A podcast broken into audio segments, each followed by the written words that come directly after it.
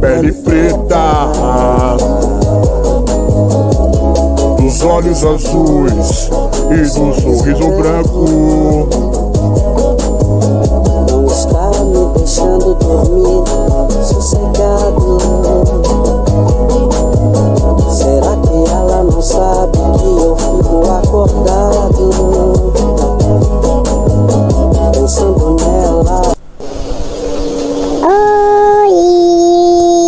Tudo bem com vocês? Que bom que nós estamos juntos mais uma noite, noite mais fresquinha aqui no litoral, graças a Deus, ninguém tá, estava aguentando tanto calor assim, ontem à noite fez 30 graus, meu Deus do céu, tá mais quente do que de dia, bom, mas deixa pra lá, vamos às notícias de hoje, Luciano Camargo lança canção gospel Haja Luz, nesta terça-feira, dia 19. Olha, bem que eu achei estranho quando eu vi o especial do Luciano Camargo na Rede Record. Na hora me deu um estalo, vai começar a tentar pegar o povo evangélico. E não deu outra, não é que eu tava certinha? Olha aí, Luciano Camargo lançando o seu, uma canção gospel. Parabéns, seja bem-vindo. Tomara que faça um trabalho honesto, não é mesmo? Abre aspas. Resolvi iniciar 2021 com essa canção, pois é o que eu acredito com luz. Podemos seguir adiante, respeitando os nossos irmãos e crendo que os dias melhores irão. E mais que isso, o Haja Luz retrata o desejo meu para todo neste novo ciclo, que seja abençoado, leve e iluminado. Fecha aspas, concluiu Luciano.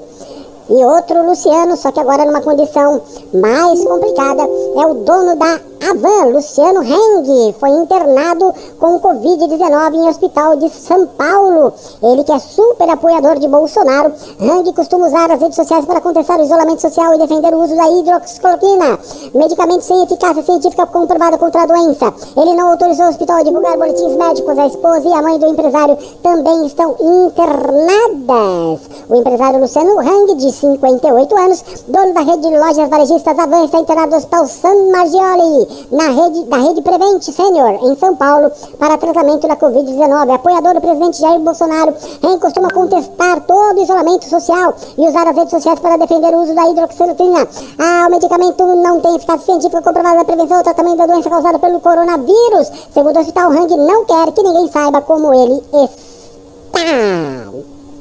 Libertadores da América. O melhor jogador da Libertadores da América, pela primeira vez, que normalmente ganhava um carro, desta vez vai ganhar este anel maravilhoso de ouro e diamantes. Olha que coisa mais linda, meu Deus do céu, eu amo anel. O melhor jogador da Copa Libertadores, que tem marcada para a final dia 30, receberá um presente, no mínimo brilhante. O anel cravejado com pedras preciosas marcará a premiação do craque da competição. Santos e Palmeiras fazem a final no Maracanã no dia 30 de janeiro. Vamos, vamos, peixe, vamos, vamos, vamos, vamos, vamos, vamos, peixe.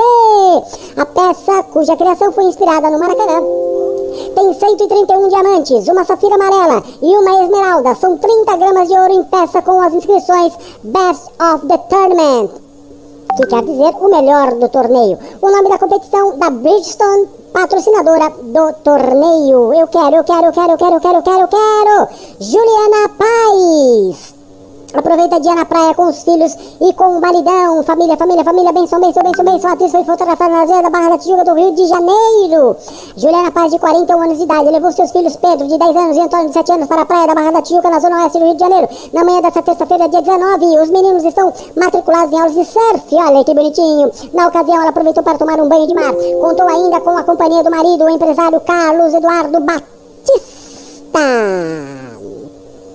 É, Bruna Gonçalves, casada com Ludmilla, curte praia no Rio de Janeiro com amigos. A dançarina foi fotografada na Barra da Tijuca após sair de um banho de mar. Bruna Gonçalves, mulher de Ludmilla, aproveitou esta terça-feira, dia 19 de sol, para pegar uma prainha no Rio de Janeiro com os amigos. A dançarina foi fotografada saindo das águas do mar. Recentemente, Bruna fez um desabafo na rede social, abre aspas, não temos um dia de paz, todo santo dia ela é atacada por nada.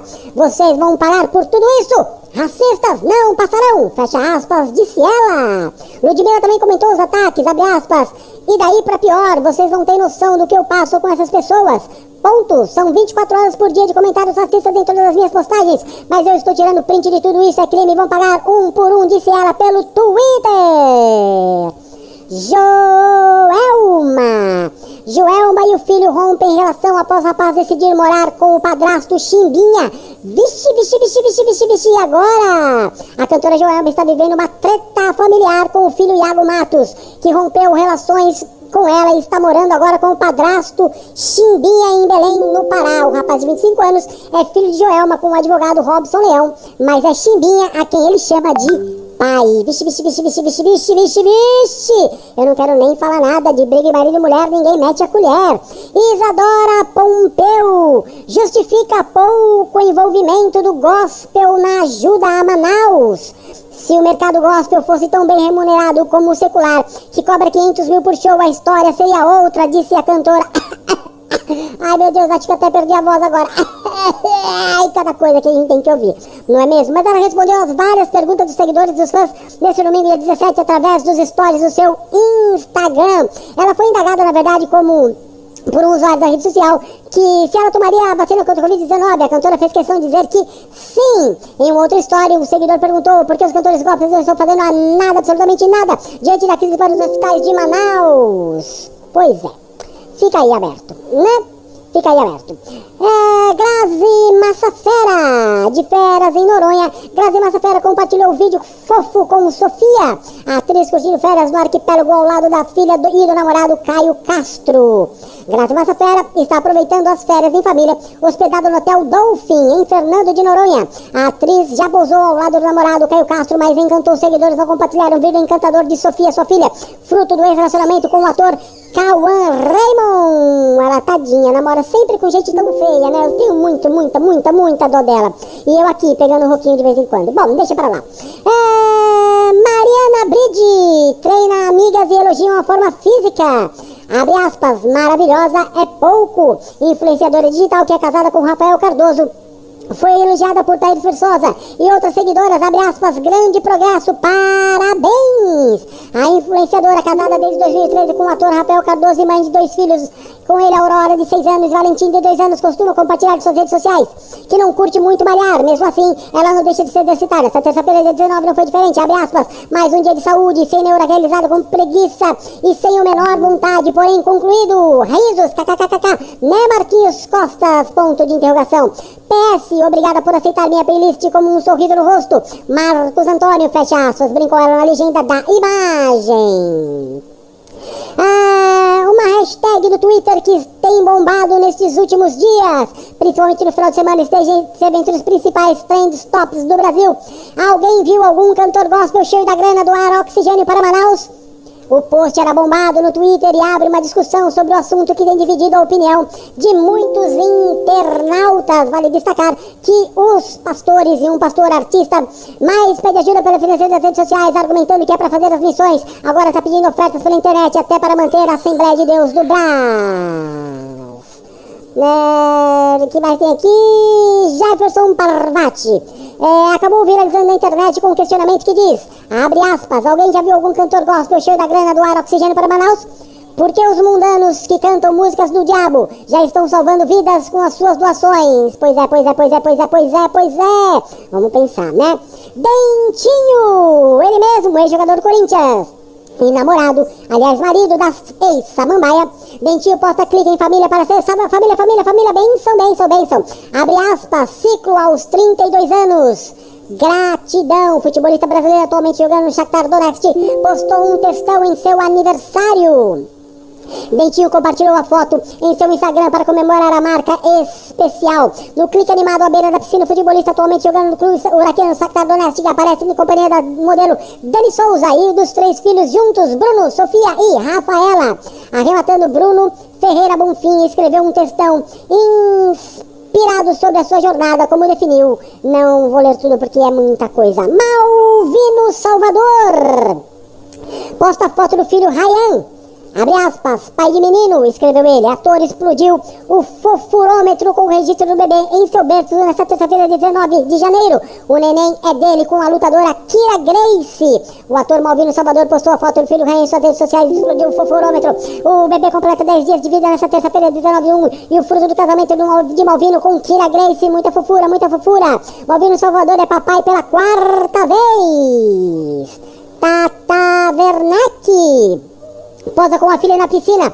Abre aspas, minha deusa. A atriz compartilhou o registro com Clara Maria no Instagram nesta terça-feira, dia 19. Todo mundo na piscina, né, gente? O calor tá demais, demais, demais, demais.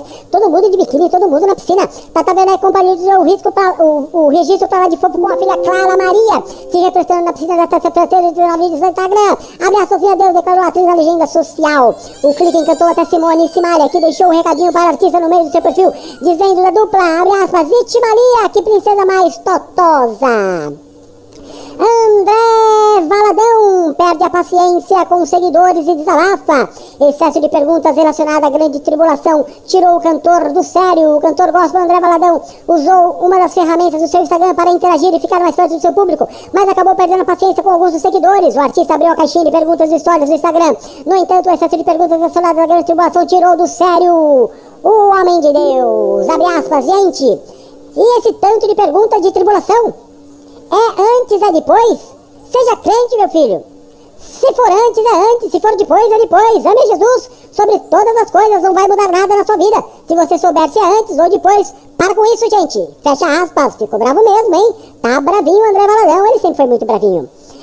Nelson Rubens, aos 83 anos, faz a harmonização facial. Olha aí, vovozinha Raquel. Veja o vídeo antes e depois. Apresentador e jornalista precisou de 19 seringas para preenchimento. O objetivo é repor volume facial perdido. 19 seringas é bastante coisa, hein? O apresentador e jornalista de 83 anos se submeteu a uma sessão de preenchimento facial e compartilhou o resultado no Instagram com um antes e o um depois. Na imagem postada por Nelson, ele aparece na fase visivelmente mais cheia e sorridente Outras imagens mostram seu rosto logo após a harmonização, ainda bastante inchado. Marcelinho Carioca pistolou. Goleada do Palmeiras revolta Marcelinho Cariocas. Abre aspas. Corinthians não pode perder de quatro para eles. Ídolo do Timão faz desabafo em rede social. Ex-meia que já sofreu a derrota em derby para 4 a 1 Lembra não, Marcelinho? A goleada contra a pegada pelo Palmeiras sobre o Corinthians na noite da última segunda-feira. Revoltou o ex-jogador Marcelinho Carioca o irmão e fez um desabafo na sua conta no Instagram. Nos minutos finais da partida, Marcelinho se firmou protestante em frente à televisão. Deixa eu falar uma parada aqui. Revoltado. Pô, tá de brincadeira. Nunca perdi de 4 pra esses mano. Perdeu sim. Não pode, o Corinthians não pode tomar de 4 pra eles. Não pode. Não pode perder pra eles de 4. Pô, Marcelinho, você perdeu também. Não passa vergonha, não. Última notícia do dia. Carol Conca, confirmada no BBB 21, preparou vários looks para o programa e adora jogar videogame. Confira as curiosidades sobre a cantora e apresentadora de 35 anos que mora em São Paulo. Ela já foi atendente de telemarketing e secretária, mas nunca ficou mais de oito meses em um emprego. Preparou vários looks para usar no programa. Adora jogar videogame online, mas mantém o anonimato. Gosta de chamar os amigos para brincar de karaokê em casa e solta a voz até no sertanejo. O nome do filho foi inspirado em Jorge Benjor, seu filho e seu Jorge. Seu ídolo maior é Rihanna. Nas horas de lazer, o que mais gosta de fazer é assistir séries com o seu filhote. Está solteira. Na infância fez balé contemporâneo. E aos 16 anos, por incentivo de um namorado, ela largou a química e foi para o salão raspar as madeixas. Está aí então as notícias de hoje. É, cansei, cansei, cansei de trazer as notícias. São muitas, muitas, muitas notícias. É, espero que vocês tenham gostado. Espero que tenha sido útil ou pelo menos divertido, entretido vocês de alguma forma. Fiquem com Deus. Até amanhã. Beijo, beijo, beijo, beijo. Tchau, tchau, tchau, tchau.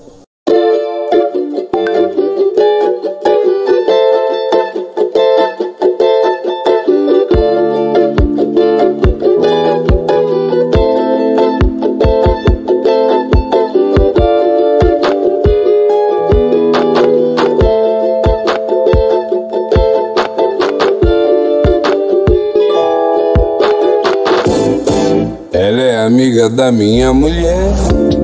Pois é, pois é, mas vive dando